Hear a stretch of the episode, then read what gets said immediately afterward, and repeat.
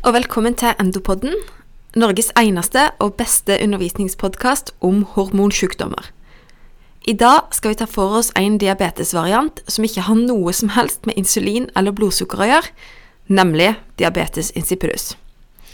Og her gir vi svar på hva diabetes insipidus er, årsaker og risikofaktorer, typiske symptomer og tegn, og vi går igjennom viktige differensialdiagnoser, det siste nye i diagnostikken, behandling og til slutt åssen det går med pasientene. La oss begynne med en kasustikk. Lise hun er 22 år og studerer medisin. og Den siste måneden har hun lagt merke til at hun stadig oftere må gå på toalettet for å late vannet. Den siste tida har det faktisk vært opptil hver time på dagtid og et par ganger i løpet av natta. Først tenkte Lise at det bare var pga. for høyt inntak av kaffe. Men nå har hun redusert inntaket og drikker bare én kopp om dagen, og det har ikke hjulpet noe som helst. Hun har også prøvd å kutte ned på væskeinntaket generelt, men hun syns det er vanskelig for hun føler seg konstant tørst. Lise nevner plagene for deg, og du som nettopp har hørt denne episoden, begynner å tenke kan det være diabetes insipidus?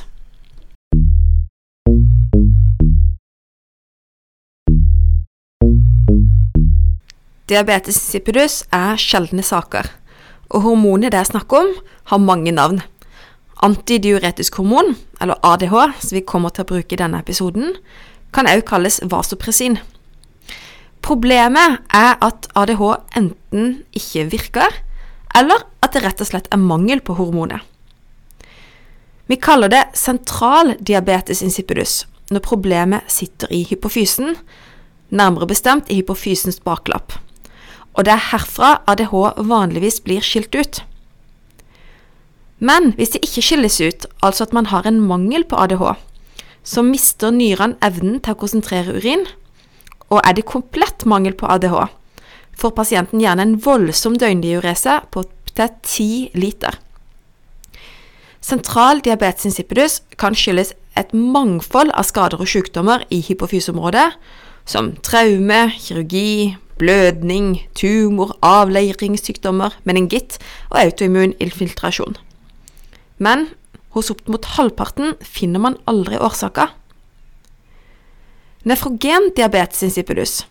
Da er problemet at ADH ikke virker. Det kan være at det ikke virker i det hele tatt, eller at det bare er delvis redusert funksjon. Her er ADH-sekresjonen gjerne økt, men problemet er altså at nyretubuli ikke reagerer. Og Derfor er resultatet at det skilles ut store mengder tynn urin. Her er det snakk om opp mot 4-6 liter i døgnet. Nefrogendiabetes insipidus kan òg ha mange årsaker. Det fins sjeldne genetiske former, men oftest ser vi nefrogendiabetes hos voksne sekundært behandling av legemidler. Og her er det særlig litium, eller ved elektrolyttforstyrrelser, nyresykdom eller systemsykdommer. Men enten det er mangel på ADH eller en mangelfull virkning av ADH som er årsaka, er resultatet i hovedsak det samme. Uten den antidiuretiske effekten av ADH sliter kroppen med å holde på vannet. Dermed får personen uvanlig store mengder uri, polyuri, i alle fall over tre liter i døgnet. Og for å kompensere for det store væsketapet, så følger gjerne ei sterk, vedvarende tørste. Før vi går videre, må vi nevne en viktig differensialdiagnose som kan være veldig vanskelig å skille fra diabetes insipidus, nemlig primær polydypsi. Og dette er den vanligste årsaken til poliori, men problemet er overdrevent inntak av vann, som naturlig nok fører til polyuri. Vi kan si at nyrene rett og slett blir utvanna, og greier ikke lenger å konsentrere urinen godt nok. Primær polydipsi kan være del av psykiatrisk sykdom, eller rett og slett at man er litt for flink til å drikke vann, eller at man har økt tørstefølelse, eller er tørr i munnen. Men hvorfor nevner vi så disse tre kategoriene, sentral og nefrogen diabetes insipidus og primær polydipsi? Jo, fordi behandlinga av disse tilstandene er veldig forskjellig. Men utfordringa er at klinisk kan de være ganske vanskelige å skille fra hverandre. For uansett årsak så kommer typisk pasienten til lege fordi han eller hun må plagsomt ofte på toalettet med store mengder urin. Ved sentral diabetes insipidus er de klassiske at plagene kommer ganske brått på, og at det er høyere volum, som vi tidligere har nevnt, 6-9 liter urin i døgnet. Ved nefrogen diabetes insipidus utvikler problemet seg typisk over litt tid, og det er gjerne noe lavere volum, kanskje rundt 4-6 liter per døgn. Ikke sjelden viser det seg at ved nefrogen diabetes insipidus så har pasienten gjerne medisiner som er assosiert med det, f.eks. litium, som vi før har nevnt, eller cytostatika. I tillegg til differensialdiagnosen primær polydipsi, så er det en rekke andre differensialdiagnoser til diabetes insipidus en må vurdere. Kan f.eks. pasienten ha diabetes mellitus eller binyrebarksvikt? Kan det være noen nyresykdom eller en medikamentbevirkning? La oss gå tilbake til Lise. På råd fra det oppsøker hun fastlegen sin. Etter en grundig sykehistorie og klinisk undersøkelse bestemmer legen seg for å utrede videre. Lise blir bedt om å føre liste over væskeinntak og diurese i minst ett døgn. Legen tar òg en urinprøve for å måle osmolalitet og natrium, og urinstyks for å utelukke proteinuri. Dette ordet osmolalitet er et mål på mengde oppløst stoff per masse, altså et mål på konsentrasjon. Blodprøver ble også tatt for å sjekke elektrolytter og glukose og nyrefunksjon, og både urin- og blodprøvene tas fastan om morgenen. Ei uke seinere kommer Lise tilbake til fastlegen med ferdig utfylt drikke- og diureseliste. Det viser seg at hun drikker 6,5 liter vann per dag, og har en urinproduksjon på 7 liter. Urinprøver viser ingen tegn til glukose, men urinosmolaliteten er i nedre del av referanseområdet på 350 mikroosmol per kilo. Serumosmolaliteten og natrium er litt økt, men de andre prøvene er normale. Fastlegen forklarer at det er mulig at Lise har diabetes insipidus, og vil henvise henne til Haukeland for en arginin-stimulert kopeptintest. Og dette er en relativt ny test som vi har tatt i bruk for å skille diabetes insipidus fra andre årsaker til polyuri og polydipsi. Dersom det er diabetes insipidus, kan vi òg bruke testen til å skille sentral og nefrogen årsak. Og det er dette som er det geniale med argeninstimulert kopteptintest.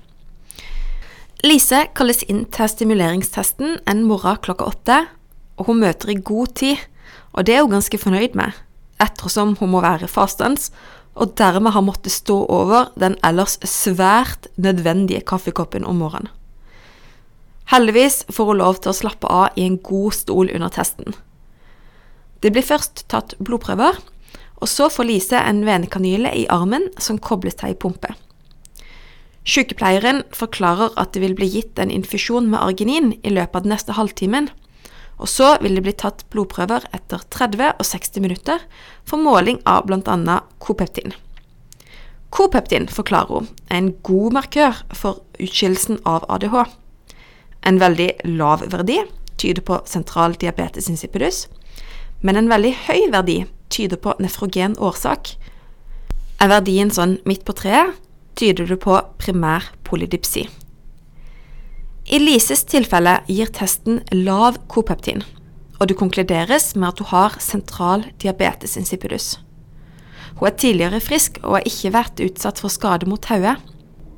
Som neste steg i utredninga får hun en MR av hypofysen, og denne er helt normal. Det konkluderes derfor med at Lise har idiopatisk sentral diabetes insipidus.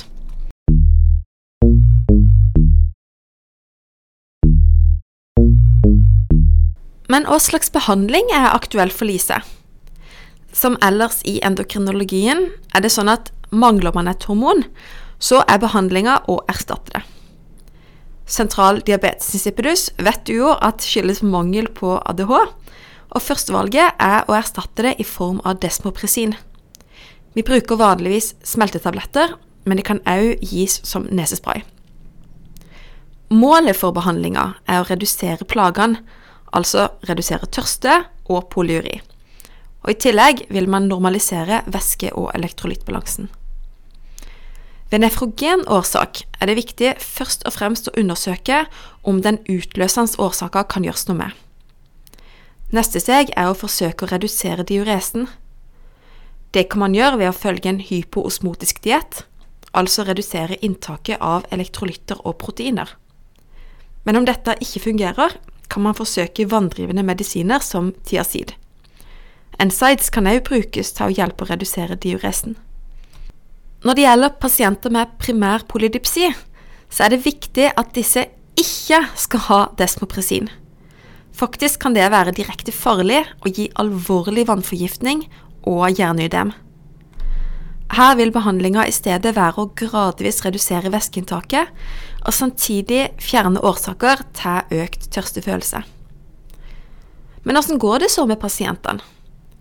Generelt er prognosen god, særlig ved idiopatisk diabetes insipidus, som Lise har. Men hun vil ha bruk for behandling livet ut. Ellers kan hun regne med å leve helt normalt. Det er likevel viktig at hun er oppmerksom på væskeinntaket. Drikker hun for lite over tid, kan hun bli ganske dehydrert. Men altfor mye væske eller altfor høy dose desmopresin er heller ikke bra, for det kan gi lav diurese med ødem, hypotensjon og hyponatremi.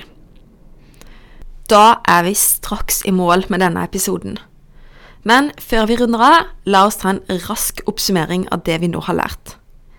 Diabetes insipidus skyldes enten mangel på eller resistens mot antidiuretisk hormon, forkorta ADH. Og vi har to hovedtyper, den sentrale og nefrogene. Ved sentral diabetes insipidus er problemet mangel på utskilling av ADH fra hypofysen, mens med nefrogen diabetes insipidus er det ADH-resistens i nyretubuli. Uansett årsak er de klassiske symptomene polyuri og polydypsi. En måling av urinosmolalitet som er lav, tyder på diagnosen. Men gullstandarden i diagnostikken er arginin-stimulert kopeptintest. Og denne testen kan også brukes til å skille mellom nefrogen og sentral diabetes insipidus. Behandlinga avhenger av årsaker. Ved sentral diabetes insipidus gir en typisk desmopresin, og en passer på væskeinntaket. Ved nefrogen årsak vil en først prøve å gjøre noe med en eventuell utløsende årsak, og så forsøke å redusere diuresen ved hjelp av diett og medisiner. Da var vi ferdig. Tusen takk for at du hørte på. Har du spørsmål eller ønsker til tema til nye episoder? Ikke nøl med å ta kontakt med oss på Facebook-sida vår Endopodden eller endopodden krøllalfa uib.no. Vi høres!